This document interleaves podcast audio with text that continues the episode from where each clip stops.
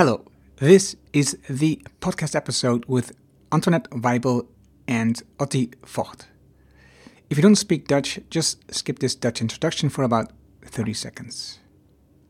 Hallo en welkom bij aflevering 327 van de Erwarning Show. Je leert van ondernemers en ondernemende mensen die bijzondere resultaten bereiken, welke beslissingen ze genomen hebben om hier te komen, wat ze doen, de strategie en hoe ze klanten krijgen. Mijn naam is Erno Hanning en ik deel mijn opgedane kennis en ervaringen, expertise met jou. Ik coach ondernemers zodat ze impactbeslissingen nemen om uiteindelijk een gezonde groeimotor te creëren, zodat de onderneming vanzelf loopt. Vandaag het gesprek met Antoinette Weibel en Otti Vogt. Antoinette is professor for HRM at the University of St. Gallen. She is a leader with a great research and teaching team dedicated to the overall question of how we can make workplaces better, thriving, enabling environments.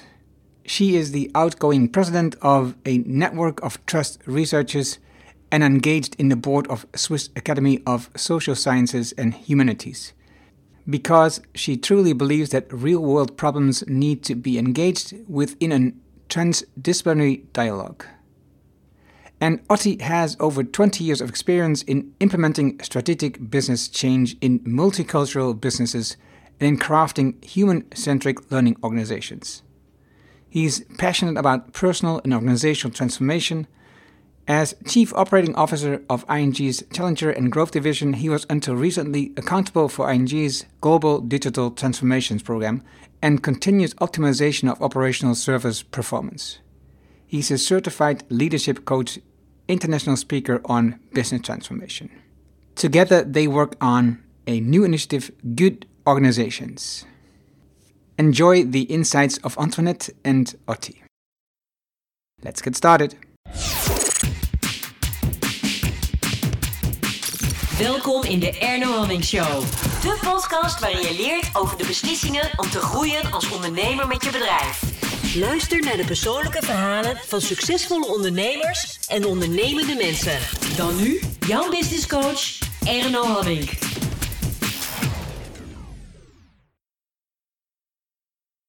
Welcome today in this episode of the podcast, and by surprise, I have two guests. Um, and because I was expecting just Annette, Antoinette Weibel, but she was joined today also by Otti Vogt. It that was the original I was trying to set up, but uh, agreed in the meantime to do just the two of us. But then Otti joined by surprise, so that's good.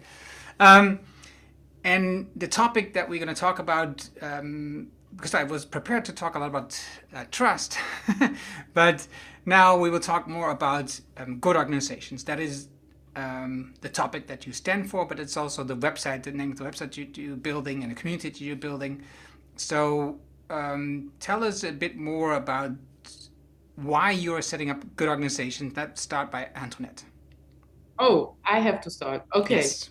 Um, so you're getting the, the more academic account first, um, because um, when I was preparing for the next interview, it reminded me where it all started with me. And that's quite a long time ago. That were two guys, Ghoshal and Moran, and they wrote a paper. It was called Why Management Science is Bad for Practice and when I read it, I wasn't sure um, that I would 25 years later um, unpack it, unpack it and say, oh, they, they were really, really right. And their core um, ideas were that um, with management science, we look at human beings as as parts, as egoistic, opportunistic, atomized individuals. And because they are like that, what we're doing in companies and should be doing as well, at least that's what um, science says, we should work with incentives, with sanctions, and with rules.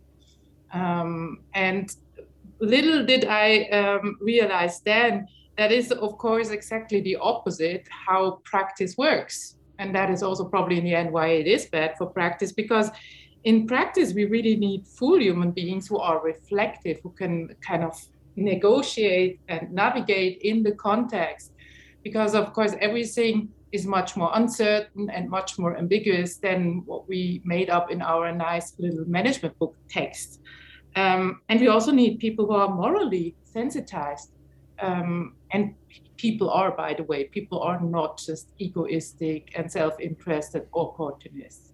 So um, in reality, what we need is we need exactly practitioners um, who can who can navigate here. And these practitioners we're never going to get with these bad practices. We shouldn't categorize humans. We shouldn't treat them as means, but we should take them much more seriously and enable them to grow into this role to be a good practitioner. So that's where I came from. It's probably a very dry way to put it, and um, Otti is probably giving a much more um, soul driven view now, but this is where I come from and, and where I really started to say, well, how can we do differently? And of course, I cannot do that on my own because this is about management practice.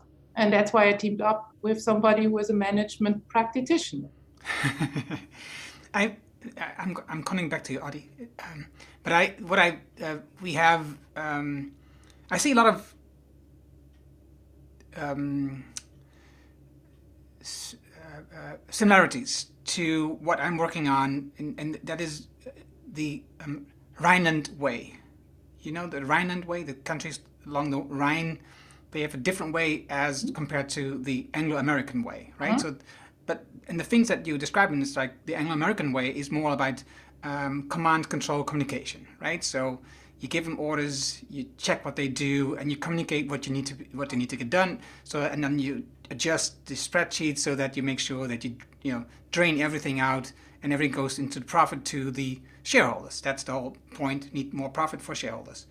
But the Anglo America, uh, so the Rhineland way is more about long term. So not quarterly um, numbers are important, but long term is important. It's more about the society. And there is like six um, change visions that we have on this topic. And one of them is what you just described going from human resources to human doing, right? Mm-hmm. So um, it's not it's not a resource, a human, right? It's a being, and he wants to do or she wants to do things, and we can facilitate that. So Otti, why did you um, start this? Why did you join Antoinette? Firstly, uh, thanks for having us, and I'm glad to be the surprise guest for once on the show.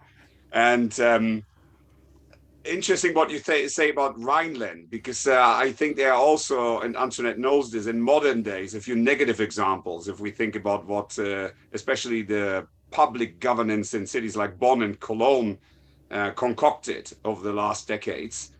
Um, but what you say is right. I think where I'm coming from is from a practice perspective, where, as Antoinette often suggests, we have an action bias.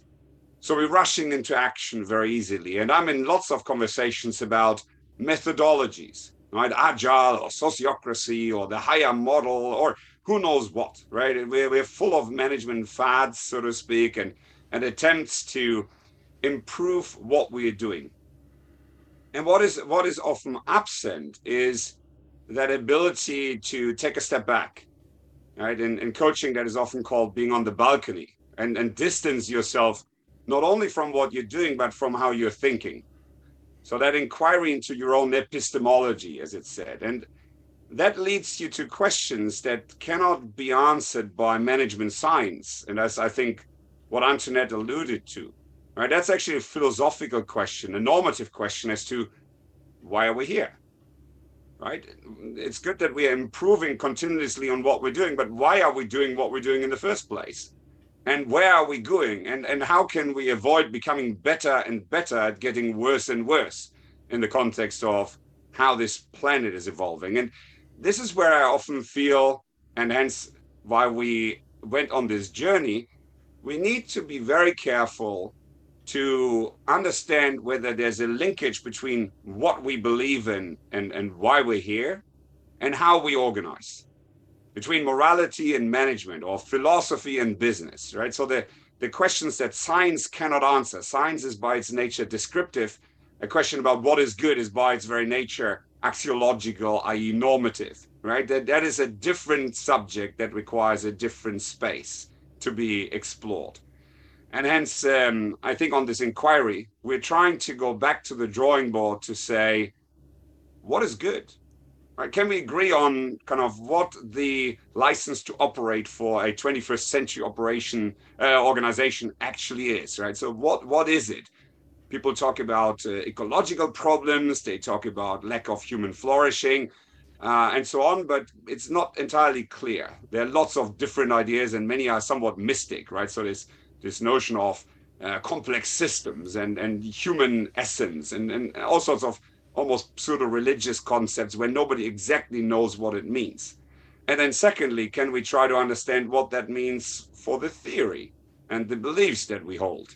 Can we critically examine what those ideas behind agile are? As, as Antoinette says, right, many of the practices that we are very happy to roll out in organizations probably crowd out some of the goodness or the intrinsic motivation of people. And finally, where Antoinette and I want to go to is make some practical, again, Antoinette's point on practitioners, right? So the people who want to be on this journey and want to do some good, how can we help them? What are some concepts, theories, frameworks, uh, heuristics that could possibly enable them to get better without going through all that pain that we go through and reading 100 books and talking to philosophers and all that, right?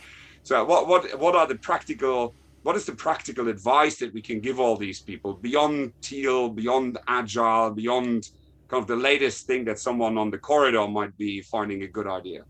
And that's actually not so easy, but it's very important, I think, because um, I feel more and more there are people and at this time, it's especially after the pandemic and with the climate crisis, who want to do good, but who are scrambling for answers. And you, you get answers from consultants and management books and so on, but very few of them are rigorously tested in an academic sense. And then you got the Antoinette, sorry, but I have to say this. Then you got the academic articles, which are often very theoretical and have their own language and so on, and also easily accessible.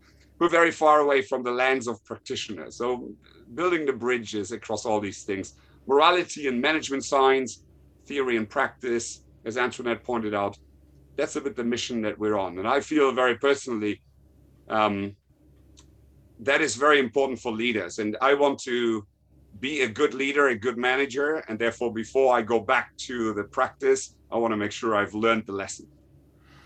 Okay.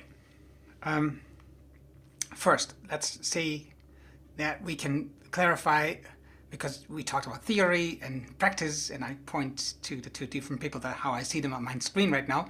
But um, uh, I know what you do, but people who are listening probably, probably don't know what you do. So, Antoinette, what, what is it that you are so theoretical? Why, what, do, what do you do for your job? What do you do for living? For living, um, I'm a professor in, unfortunately, human resource management, although I would rather call it um, enabling resource for humans at the University of St. Gallen, and I'm a trust researcher for 25 years now. Okay, and Otti, what do you do? Antoinette is very modest. I would like to add a thing. So Antoinette, I think, is one of the few professors who I've seen who is a, how do you call it, Antoinette? Not an action professor. What is it? Um, someone who actually engages with practitioners and engaged, is trying to make engaged scholar. You mean okay? Engaged that's... scholarship, and that's a, that's um, something quite unique. And secondly, Antoinette is one of the top forty um, HR thinkers nominated um, in, in German speaking countries. So there's uh, a lot of pedigree behind Antoinette that I would like to kind of just make sure gets gets gets heard. Um, I'm coming from a management career. I started in startups. I went into nonprofit for a while during university, and um, then into consulting, and then into large um, enterprises in telecoms, uh, in pharmaceuticals, and in banking, most recently as the chief operating officer and chief transformation officer for a global part of ING. And in, in a nutshell, what I've been dealing with is is global transformation, global business transformation, so a billion euro plus a year type, nasty big transformations. So, so you've worked like for 100 years already. it feels like that, but I'm glad you picked it up. I mean, I'm almost 50 now, but uh, I can. The last 30 years went by in a in a whiz. Um, but and I was I was um, invited by Accenture and the Brightline Institute, um, which is a, a sibling of the PMI, the Project Management Institute, very focused on business transformation, to participate in a survey this week about chief transformation officers. And they were asking me kind of what school do you come from? So what's the typical pathway to become one of these animals of chief transformation officers. And I said, I really don't know. It sounds like I've done a little bit of everything. And then, of course, you make out of the vice a virtue. And my suggestion was that in order to enable transformation, you have to become a bridge builder. And that bridge building, I think, happens at multiple levels between strategy, so the, the, the long term thinking, three to five to 10 years out, investment plans and business cases and so on, to the operational detail. So that is one axis. And the other is between the internal world of the organization and the external world of the customers, the ecosystem, etc. And then the last dimension that I think is really important is that moral dimension, as Antoinette pointed out. So, so kind of the between the day-to-day modus operandi of however the firm is working with what is our role in the wider world? How do you leave a legacy that is good for ourselves and the organ the generations to come? And I think if you want to be truly transformational, you have to have all these axes in mind. Otherwise, you might be motivational, but it's not the same as transformational, mm-hmm. which um, works at a different level. And I think um, final point, Ben Zander, who I admire, is a the 86 or so year old um, chief conductor of the Boston Philharmonic Orchestra. He tried to explain the difference. And pardon me, the metaphor is not really probably um, better that easy, but he said motivation is when you're standing by uh, when someone is giving birth. And you're saying, yes, another push, you can do it, right? So you motivate. Apologies for the analogy, but he chose it. And and transformation is something very different. You could also think about like the typical sales conference, right? Where you go, yes, we're going to beat them. So transformation is you hear a story, a metaphor, a song, a poem, an analogy, whatever, and five days later on your way home, it suddenly makes click. And you never see the world in the same way again. And that is transformation for me. That is enabling the system to go to a higher level of energy. And that's really, I think, what we're talking about. Mm-hmm. And that, in the end, that requires practice, right?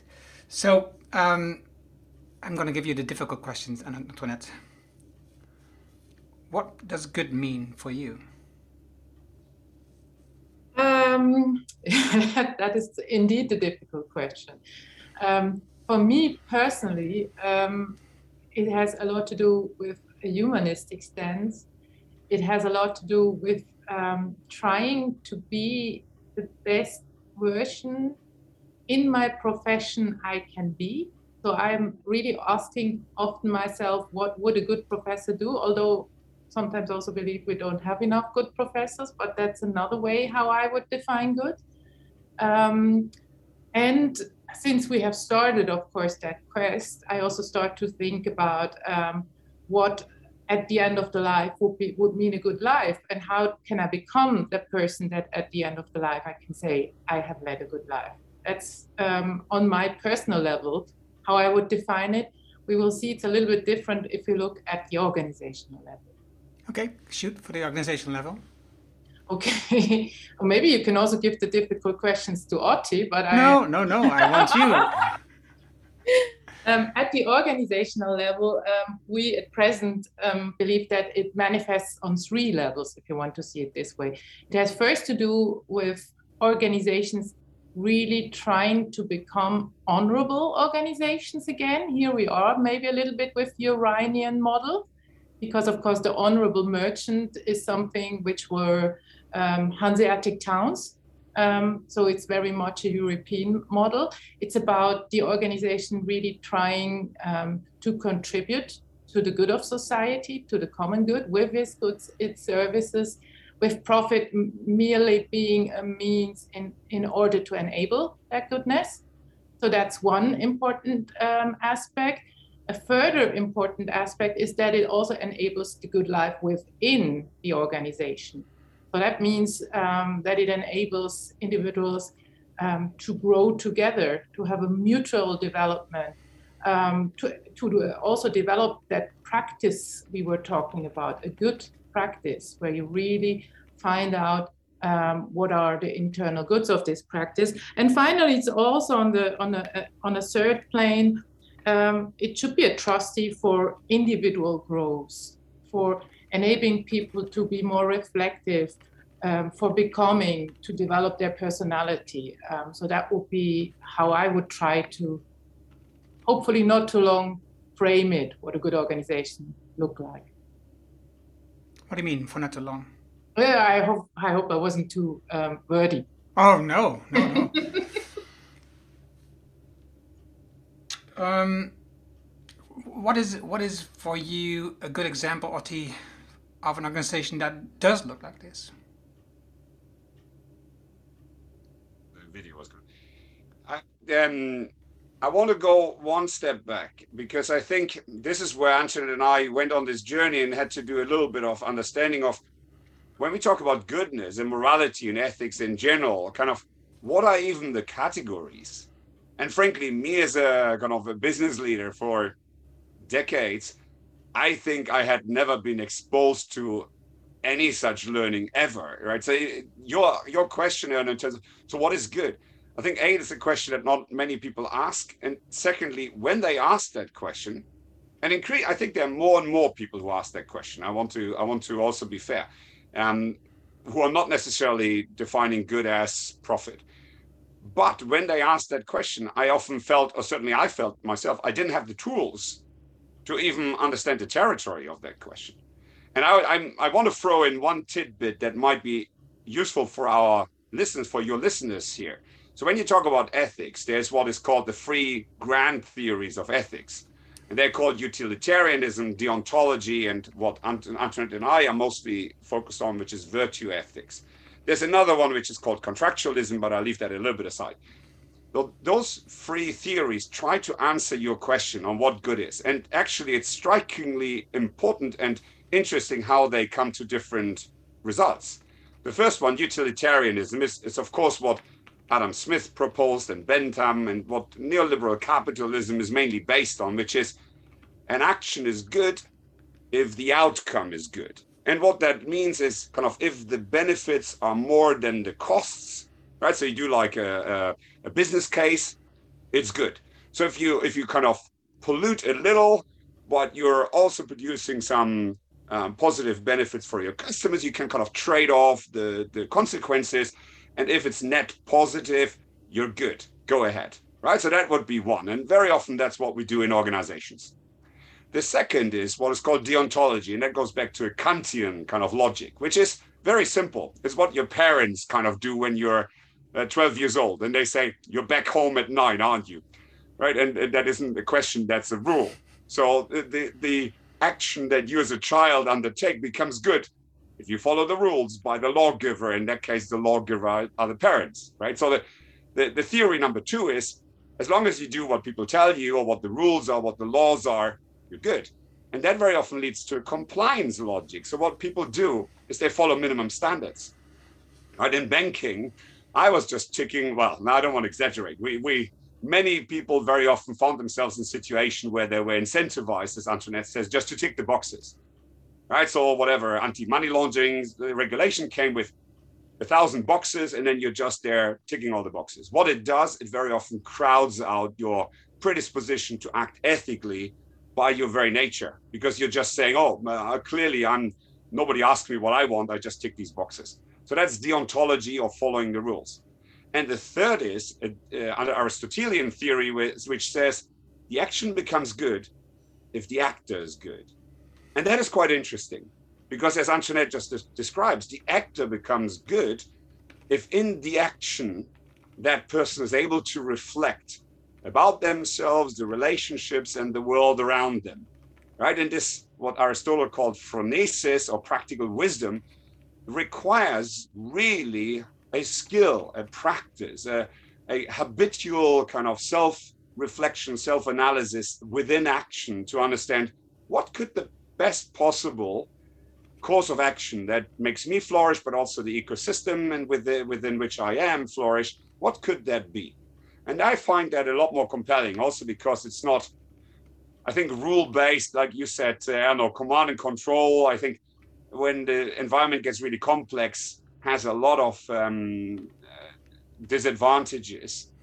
Whereas on the other hand, this logic, this Aristotelian logic, requires a lot of agency, people stepping up to understanding who they are themselves, what they feel, how they think, what their relationships look like, and indeed this question as to what is my potential contribution to this universe? How can I make my action now um, become really good? And it's interesting that Aristotle uses the word good and beautiful very often together because there's an idea that good is aesthetic. You can see a good action because it just it sparks something, right? You, you can you can when when someone does something good, you can actually see it, you can feel it, you can sense it. So there's more than just the rational calculus of benefits minus risks or costs or following the rules. There's something beautiful which unfolds in the moment and you can sense it, right? And that is a little bit what we are, what we're trying to get close to. Right. So just to give people the territory, utilitarianism, deontology slash rules, and then this idea of virtue ethics. So someone has to become virtuous, really put some effort in day by day, minute by minute, trying to become that good person that Antoinette describes. Is that helpful? Yes, but it also sparks another question. because I haven't answered your questions. I, am a bit cheeky here, but no, that's okay. That's okay. Don't worry about it. Because what you just said um, at the end, it reminded me of greenwashing, right? So if you if you sense something, you sp- you feel the spark, and you see that it's good, and this could be easily done by marketing and by greenwashing and by um, what's it called um, influencing uh, in the so they give you a great story it makes you feel good but if you really really look through you see that it's not really the truth right so um, I, I think it could be very difficult to understand as an individual um, what is a good company? It's, do you have any clues on how you could help people to understand what, how you could find good companies? I think this is all, and indeed that was your question. I find that hard. Um, so the greenwashing thing again, the predisposition here is that the action becomes good because the actor is good. Hmm. So actually, walking around a company, you probably can find some clues I've, I, and there are lots of uh, every every process, every structure gives you hints about the underlying morality and worldviews that people have. Right? This is the where someone suggested that culture is kind of walking around in the canteen feeling and sensing what's going on. Right? Someone said it's what's happening when the boss isn't here, but I think there's a, a lot more to it. And we are taking this notion of culture a step further to character so, what's the character of an organization? Which is more like what are the routines? What are indeed the habituated structures that people use? And what does it tell you? What is the sense that you get?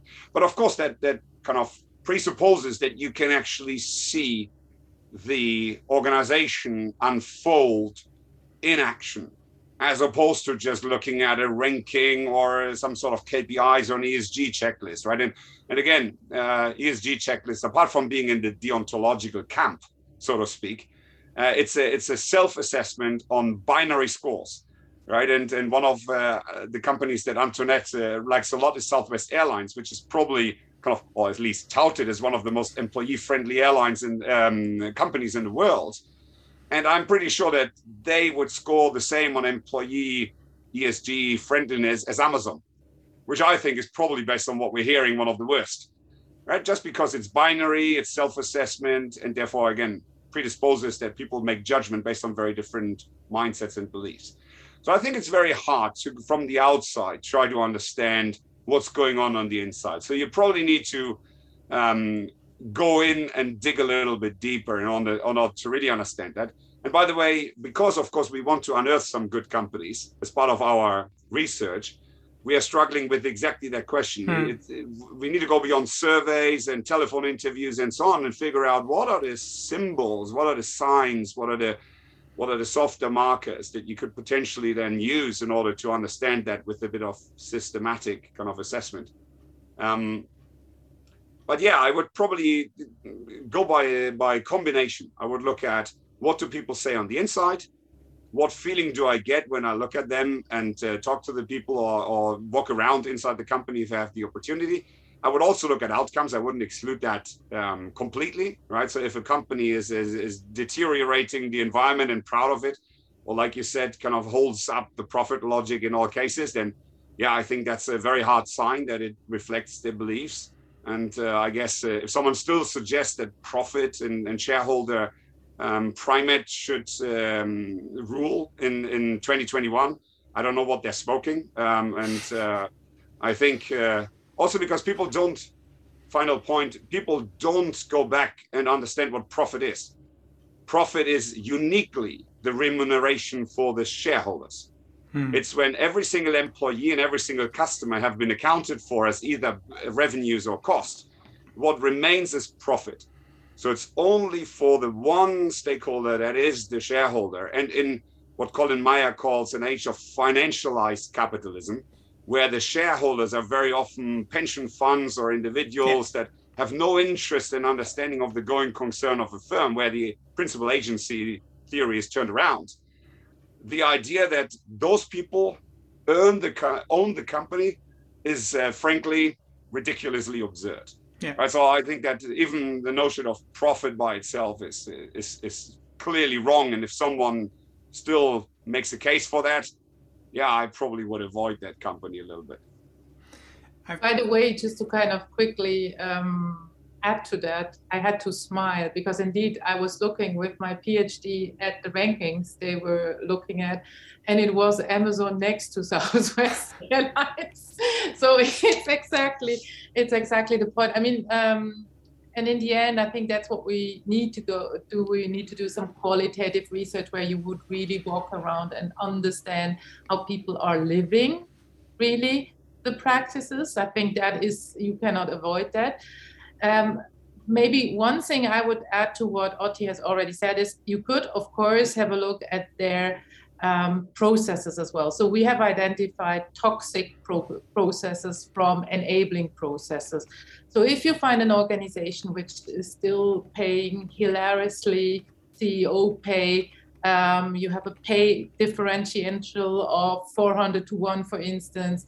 If they're throwing around with a lot of bonuses, um, if they still work with rank and yank, um, if they are overly rigid, compliance oriented, then you have a good um, idea that it's very difficult for individuals in that organization to behave in a moral uh, way or to behave in a good way or live their good life. I think that's that these are good indicators. It already gets a little bit more difficult if you look at the more enabling processes. Um, so, for instance, how do they select people is, is always something I find very important. Do they just look at categories and skills? Um, maybe even think that the smartest guy is always outside the company. Um, is that their main criterion, or do, do they really look for character and whether people are also kind of going to contribute to the organization and the internal community? Um, so I think there are a number of concrete processes you could also have a look at. And, and, there you already see it's much more about doing processes and just about the results. I think that's also something I just like to support. Otti was already saying that.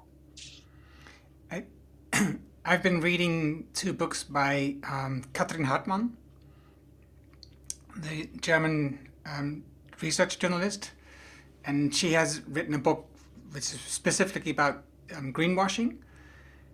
And she investigates a number of companies that right now they claim to be very um, good, between quotes, right? So, uh, like Unilever, for example, they are working their way up by buying um, Ben and Jerry's and now by the vegetarian uh, butcher, for example, in the Netherlands. And at the same time, they are um, enabling, not enabling processes, but enabling um, the, the, the deforestation of the um, uh, in Indonesia because of palm oil. So it, it, if you read these books, you can see which companies are not good because they they picture themselves to be good, but you see, and she's very aggressive and very good at that. But you can see where they are going wrong. And um, for example, yesterday the ABP, which is a Dutch um, pension funds for the um, uh, governmental people, they um, withdraw uh, all their funds from Shell. So that was a signal, they said. But they also, just two weeks ago, they still said, we don't want to do that because we want to have like a sort of a control influence on that they will change away from the direction they are going now. But now they've changed, obviously, their mind probably under pressure. But um, the question is, how will they get more influence if they are a shareholder or if they are not a shareholder, right? So where are they more able to make sure that Shell will shift because they have shifted the last two years more into fossil fuels than, than before because they've closed some of the energy parks down, the wind parks, or solar solar um, um, projects that they were doing. I, I, don't know. I don't. I see. See, that makes it for me um, still. Uh, you have to read a lot um, to make sure that you understand uh, what is a good and what is a bad company or not so good company. Um, I think, Anna, what you're pointing to is the second problem, right? Even if we could all agree on what good is, the second problem is how do we get there? Yeah. Right. And I think, uh, again, the idea, shall, so there was a lot of um, shareholder activism in the press, first for the wrong, for the, for bad reasons, so to speak, right there.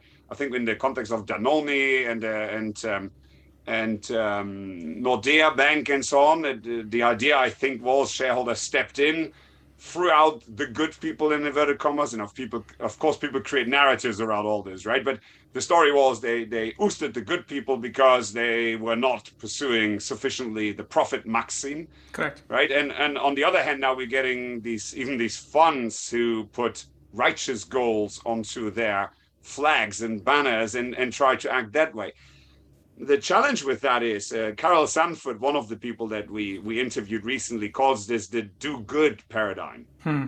right? Where people start to get a little bit colonial and then try to force people for their own good, so to speak. So I have an idea of what good means, and then I will try to, by whatever um, tactic, get you to comply with my idea of goodness, and that of course also has its challenges, right? And especially uh, there was a Dutch uh, gentleman from the University, I think, of Amsterdam or Eindhoven or so, who did a very nice analysis of the SDGs, the mindset and the paradigms and the beliefs behind the Sustainable Development Goals of the United Nations. And what he came up with is a mixture, right? So some of them are very traditional, deontological, right? So they just try to create rules and then force people to comply. A lot of them are actually utilitarian. And it's kind of, uh, let's create some sort of narrative that as long as we're staying below the 1%, yeah, we can probably, sorry, the, the one degree, right? The Paris uh, goal, yeah. the world can probably survive. And you have to ask yourself, right, why is that a good goal?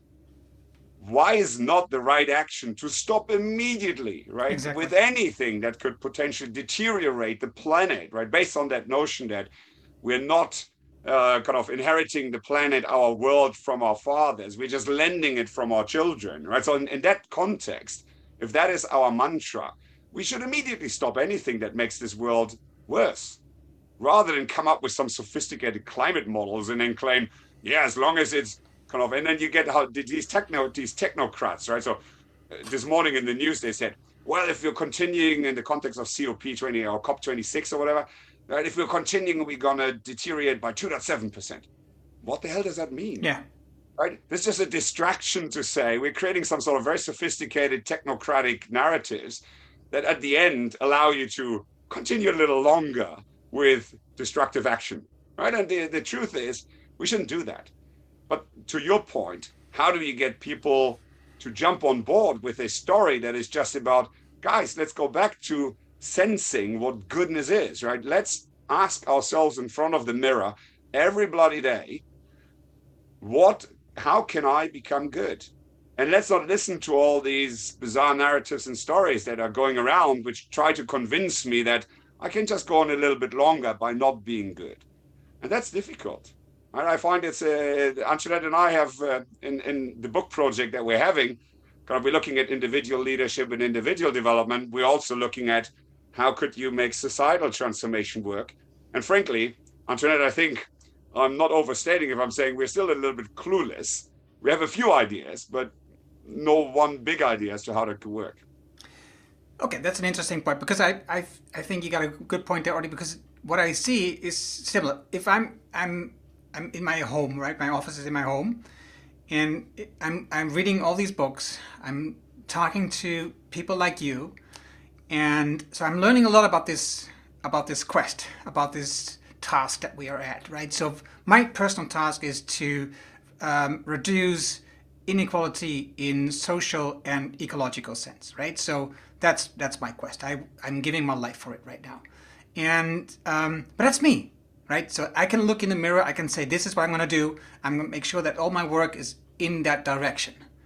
But that's not my family, right? I'm not I'm I'm not even looking outside now. That's not my family. They don't they don't read books. They don't follow.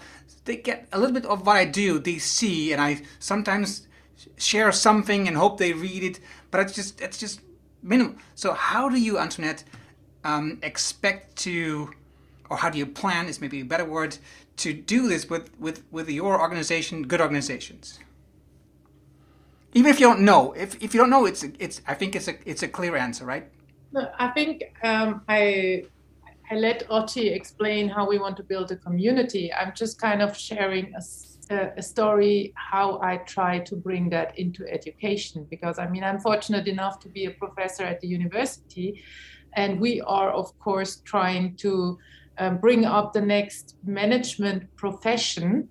So the first thing is already to see that management is a profession and should have its internal practices, which are always also about values.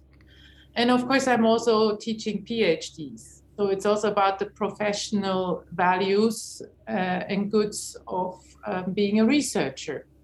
And so I really try to bring that into our education by first speaking about values again, because usually we don't speak about values. Management science is fact based and not value based. So we pretend it has nothing to do with values. So that's the first thing. Uh, and the second thing is really like um, making people realize that being in a practice um, has a lot to do with this reflective part to understand all the time what does it mean to be a good strategy um, practitioner, for instance. And you, of course, you cannot just talk about that you have to um, make sure that people have inquiry methods for themselves, that they can get into dialogical inquiry to find out together with their tribe, so to say. It's not a tribe, it's a, it's, it's a profession, um, how we want to see things in the world. So this is this is something which is quite tangible, which I can already do um, and st- have started, but I have to tell you, I know it's very, very difficult because my colleagues don't even understand what I want to do. Right.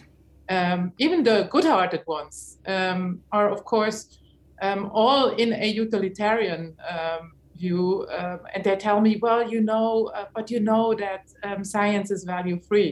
So already starting that discussion is an interesting one, but that's that's education. Education is going to play a big role, but I think um, Otti might be able to explain you what we're trying to do also by community building and, and where we see some hope as well. Go.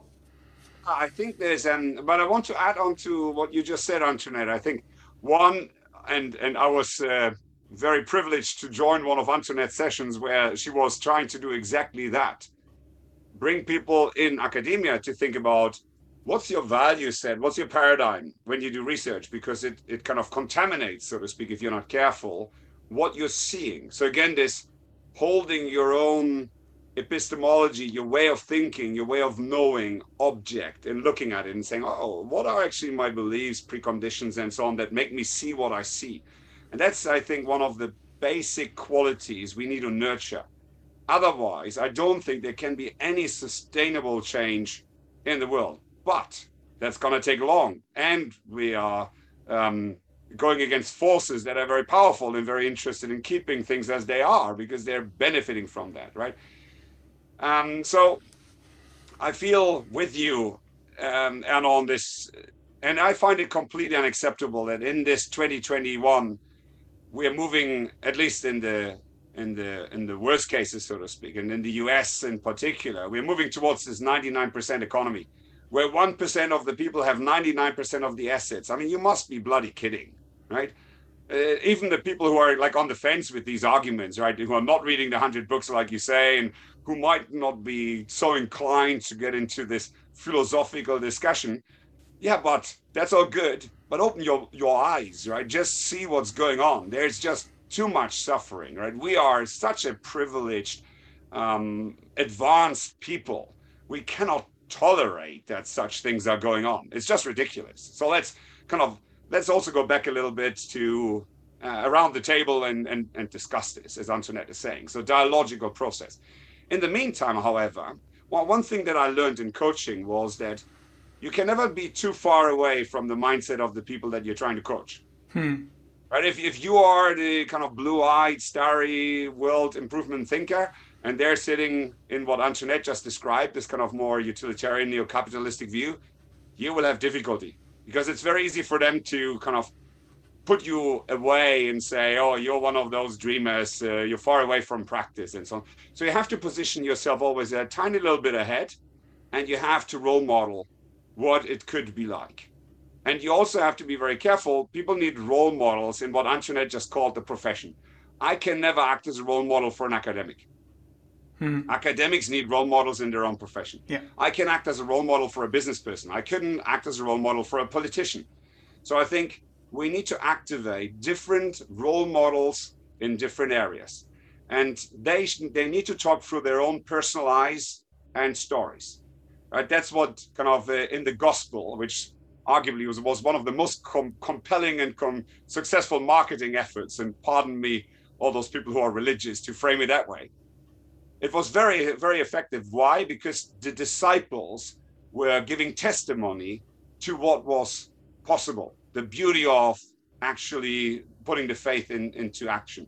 And that's a little bit what we need. We need people through their who talk through their own personal testimony and lead the way and and maybe even create a little bit of shame, moral emotions in those people who are then looking at themselves and say, hmm, if they can do that, I could do that too. And very interesting here in this context, and Antoinette, correct me if I'm wrong, but we've seen some research where, believe it or not, if you wanted people in your household to become more ecological, as you just said, Erno, actually, what you need to do is you need to talk to your neighbors.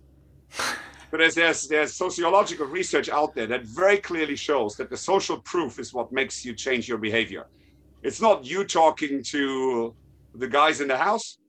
If your three neighbors around you start to look at your kind of um, net zero household or start to kind of collect rubbish or whatever, right? Behave differently then you suddenly start to do that too right? So the, you need to understand how social change is activated yeah. in in uh, in different constituencies. And to Antoinette's point so we are trying to not just write a book because uh, who cares about another book on the shelf? Um, even if as i said we need to offer some tested heuristics for those people who want to engage. So there's also some value in offering a different theory that is clearly morally infused but in a way that everybody understands it and and people can then pick the pieces that make sense for them but at the same time we want to create a dialogue with people across all the different ecosystems that we believe have influence. And that is uh, practitioners um, who experiment with stuff. That is researchers who can test the many ideas that we are being exposed to by harvard business review and other outlets every other day right? The latest top five leadership kind of steps uh, that you need to undertake to become good.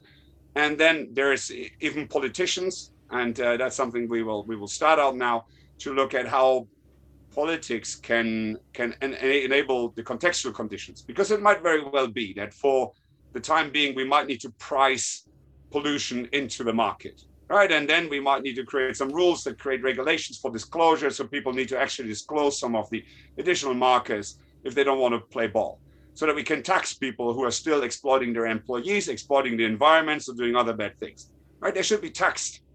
Right? And again, um, Shell, good example. Right? And I love the Netherlands. I love the call in Den Haag who who pushed this notion of um, responsibility for the society that is embedded in the Dutch code, so the Dutch law code. Right? It's a wonderful element that I think embodies this. On the other hand, uh, even the Netherlands are clearly exploiting international tax regimes to do very bad yeah. right and so it's it's there's no one example which is really strikingly good in this world that you could just put on a pedestal and say do that but maybe that's also not what we want right? So but we want to create this movement this dialogue this uh, just holding the space for people like you and us to say let's uh, let's ask these questions. And maybe the questions are as important as the answers. Let's create space and time and dialogue and see what happens.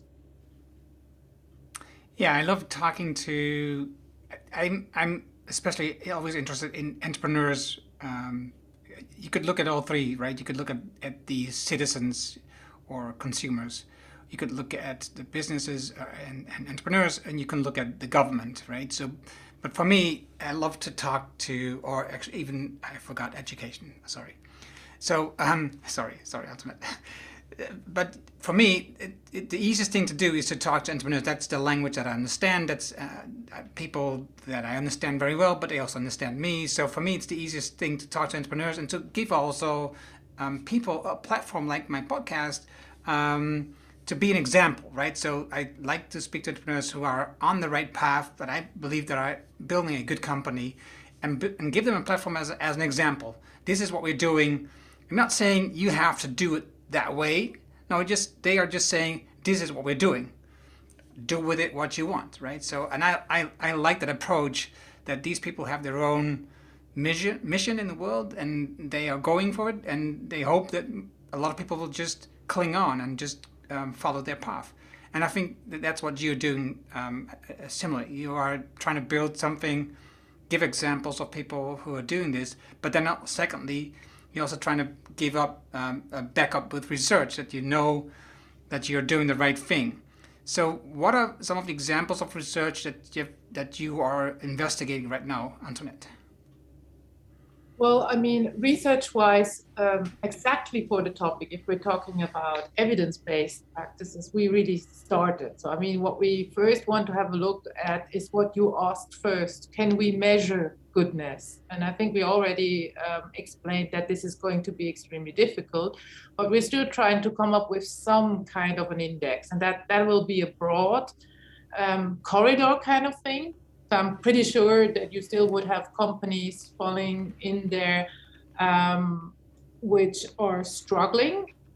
If there are any big companies out there who are not struggling, it might be a surprise anyway. Um, but this is this is the first thing we're doing. We're really looking more in a quantitative fashion. Can we give something like a corridor? And then at the same time, um, we're also slowly starting to select some companies um, because we would like to do case study research because I'm really um, quite convinced that understanding um, how good organizations um, enable goodness is something we can only do by qualitative research. And it's also, I mean, Otti said it's important to kind of operationalize it. And again, for that, you need to understand still better um, what is it that is enabling um, you were talking about entrepreneurship. So I would say individual um, co-creation in the company. That's also a form of entrepreneurship, but within the companies.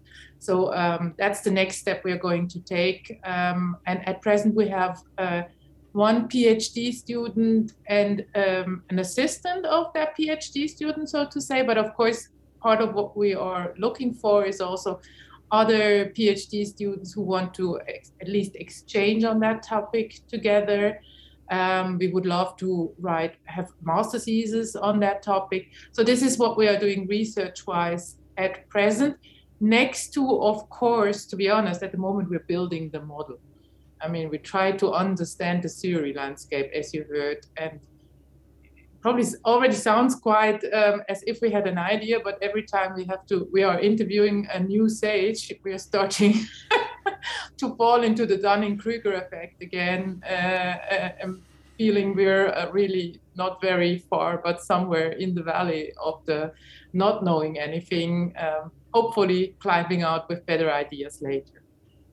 Yeah, and maybe worth underpinning one thing on this, uh, Erno, to the research what Antoinette is describing is across disciplines, right? Which is not the usual process in neither academics nor medicine, right? You get very specialized on smaller and smaller parts. We're doing the opposite. So we, we, are, we are starting with philosophy and ethics. We're going to politics and political science. We're moving into management science, organizational design, uh, etc. We're going to anthropology. We're going to religious studies. We're going into um, complexity and and uh, critical um, and uh, system thinking and these type of abysses, so to speak, right, of of human thoughts. And we're then trying to build bridges, and especially I don't know if I said psychology, but on the individual and the, uh, for example, the developmental psychology and, and social psychology, you start to see that in philosophy, psychology, management science, many of the concepts are actually very similar. But people use totally different language hmm. and they also don't talk to each other. Right. So this is one of the difficulties that we're having, and also where we believe we can add value because we can actually say, oh, listen, here in psychology, you're talking about developmental psychology in terms of vertical development and or individuation in the Jungian sense or Kegan and so on, right? You can actually then see, oh, in, in philosophy, you have a similar idea about what it means to be reflective, right? And and how you progress in terms of moral development and things like that. And then you say, oh, and I have a practice, which is Antoinette pointed out earlier, is like leadership development or learning and development in the company. And then you say, oh, that's interesting, right? There's um, very little insight that gets cross fertilized across them. And then we start to get uh, kind of very curious and active. I, I went through the website in preparation of this conversation, and um, I know that you're in the middle of the whole process. Um, but I think. Um, okay, let's first ask a question before I give an opinion. it's always easier. Um, uh, we, we Dutch tend to be very blunt. So, um, what is your steps? Because uh, you are building a platform and a community um, on the Good Organizations platform. So, what is your steps? How can people join you? Either of you. you first on this, i'm Antoinette?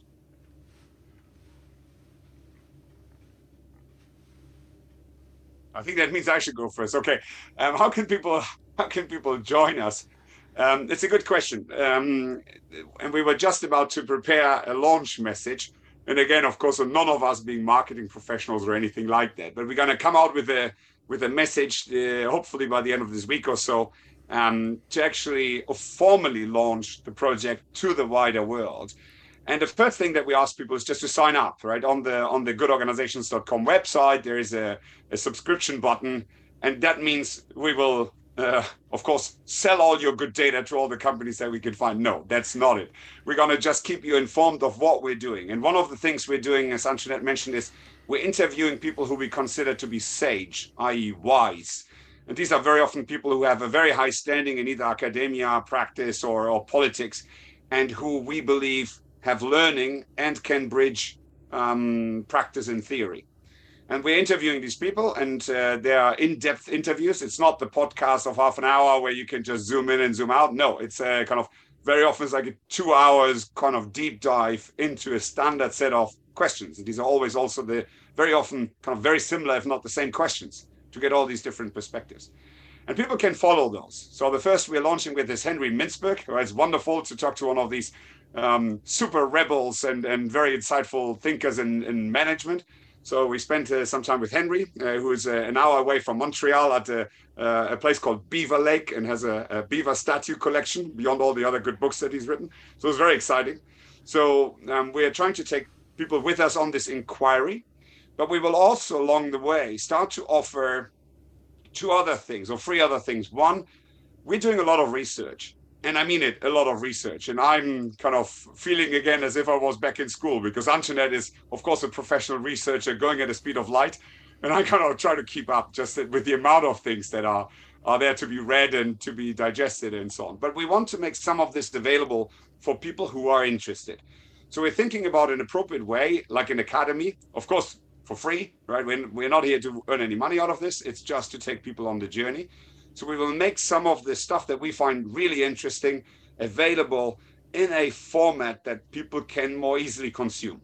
Right. So out of the 15,000 papers on virtue ethics, here the three that we find most interesting, have a look. Right. So this type of academy, and we might offer like a monthly touch base with both of us and some other people who we repute very highly and anyone who wants to join to hold the space and just talk about this stuff. Right, so that's and we already have uh, Wednesday sessions with uh, with a network that we call Knights of Change, where already today people can can join and get closer to us. And then we will probably in the future host what we're calling salons for humanity. And again, it's going back to the tradition of European salons, which were happening many of the capitals in Europe in the in the 19th and 20 early 20th century, where thinkers across society would come together and again hold the space for some of these important questions. Ideally, combining the people who came from like artists and and and uh, um, academics and so on, but also practitioners. So you would have this cross fertilization, and that's one of the things that we would love to to to do. Um, we haven't quite found out how to best do that, uh, virtual or physical or, or, or whatever in between. Um, but that's something else. But for the moment, I would say whoever gets interested in the conversation the three of us are having, um, not only kind of continue to listen to Erno's um, podcast and webcast, of course, but also maybe just subscribe to the feed on our website. And we will let you know once a month or so what's coming up, and people can choose what they like. Antoinette, I, I'm sure I've forgotten something. No, I just wanted to find out whether this is not concrete enough for Erno because he already alluded to me in his Dutch bluntness that he doesn't understand how we are going to build the community. So um, I think Otti was quite um, concrete now. Um, is that helpful for you? Yes, yes. I mean, what you forgot are the free thinkers. So that's another idea where we kind of were thinking it's also interesting. You have a lot of people who are really able to think outside the box, who have um, very interesting things to contribute, who already are contributing, but again, typically not really talking to each other so often. And so, what we want to do is also to enable in and it shouldn't be boring panel discussions. So I'm just saying panel discussions uh, now, but the format is going to be more interesting in the end. Um, a little bit more like Hyde Park Corner without the lunatics, maybe. saying that as a Swiss person, we can be blunt as well. Um, that um, there is more exchange between these people who have so, such a lot of things to contribute to our quest and that they also learn and, and have others learning with them. That's uh, another issue we want to bring in. This is um, open to the public because we want to have a lot of people um, discussing with us, uh, but it's going to be something which is done by the free thinkers. So we kind of um, open the platform for them. The idea being there that we will engineer some specific conversations about kind of theories. So let's say maybe with someone like Dave Snowden on complexity theory, Nora Bateson, who has a slightly different view on complexity theory, and then we get Simon Weston, who is a, an expert in developmental psychology, and we engineer a conversation that transcends barriers and really tries to bring out new thinking or different perspectives. Because what we want is agency. We want people to understand what the options are, how they can get hold of them, and how can, they can inquire into themselves and into all these different worldviews. Right? So it's not so much the content as such as the engagement with the content, what we call a liminal conversation. But one other thing that um, I had didn't know about the concreteness. And I think one thought that we have in terms of the world change, and Henry Mintzberg said a similar thing in our interview. We need to find ways to connect all the good people, because uh, guess what? There are many of these networks out there, and the last thing the world needs is an Antoinette and Otti uh, network uh, 1000 plus one, right? So yet another initiative that goes in there, right? Kind of, we already uh, kind of Paul Polman with his net positive, and then the UN Compact, and then uh, Otto Scharmer with this guy, and there are a lot of these. So one thing that we are really exploring, and I want to do a shout out to um, some of the networks like the Global Responsible Leadership Institute and uh, the Coaching Ourselves by Phil LeNir and Natalia, Natalia Blagueva with her Women's Heart Network and and to sustainocracy in, in, in the Netherlands and so on. So we want to create a platform where we can bring some of these existing initiatives and networks together and say, can we hold the space together? Can we enable everybody in their own way to build some scale, build some kind of uh, even just feeling connected and not feeling so lonely out there? But can we create a community of people who are pursuing based on similar values and worldviews? Um, their different roles towards the aim that they have set for themselves and help each other. Our friend Graham Boyd, the author of um, Rebuild, has called this a uni one space, where we're creating across all the ones that exist a, a unity, right, an integration. But it's not a complete integration to say everybody has to do the same thing or we're creating yet another SDG big program. No, we're creating a space where people co elevate they lift each other up because they care about each other's success and they're willing to put each other at the disposal of the community for the good of all. And this is a little bit the space that we're trying to engineer. So not yet another kind of uh, people who are and good organizations is by by by design a default. So we went to the dictionary, said what are the words that nobody can contest with because they're so generic. We said good organization sounds good. Right? it's not going to be the title of our book. It's not going to be something that we're going to get commercially interested in because it's meant to be like a neutral ground for everybody who thinks organizations we believe are part of the solution. And yes, they should be good. We can agree on that. Come on board. It sounds to me, I, two words came to my mind, right? Um, the Renaissance and starting a revolution. That's that's what I felt with uh, when you describe it this in this way. That's bringing people together so that um, together we we could start a revolution. Because if you're on your own, I've I've lived by this message since um, COVID started uh, last year, right? So um, I, I, I have this this uh, um, I have. There's this uh, saying: um, if if you want to go fast, go alone. If you want to go far, go together. And I've really taken this um, idea since COVID um, for myself because before I was just working on my own, but I realized that if I really want to make an impact, I, I, we should stop being all these one ones trying to make a better world, and we should be like a team um, together make because then you can make a lot more impact. So I think that's what I'm hearing from the both of you right now.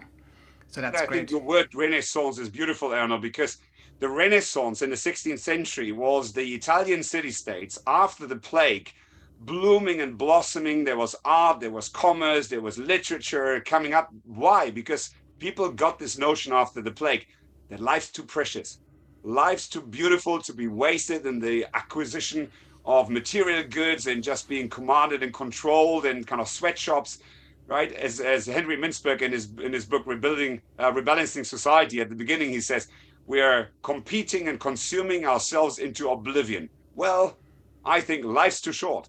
So, Renaissance, where the good life, as Antoinette says, the feeling of being alive together is back at the forefront of our minds. And everything else will follow, right? And the revolution means, and the most important aspect of a revolution is a change in power structures. Hmm. There is no revolution if the power remains in the hands of the people that have it today. That's for me the most important aspect of a revolution. And I agree with you, Erno. We cannot really have a different world if the power remains remains with the people that have it today. It's impossible. So I think you caught it perfectly. That feeling, that sense of the good life, in combination with an organizational design and institutional design change that correlates with that sense of good life is what we're here for. And that requires a change in power structures. And again, if you're interested, come on the join journey. us. and he says we're not good at marketing. um, I think I, have I've got a lot of questions still to answer, but I also want to honor your time and the agreement that we had on the schedule because you have other meetings planned afterwards. Um, we may speak in the future to um, go into the book, for example, because that's uh, that's what the initial thought was of this interview for me was um, to help you to make a start promoting the book before you ever actually uh, finished it.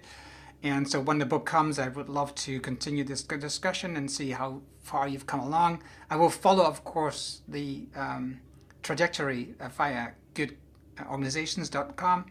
Um, .com is it right? Yeah.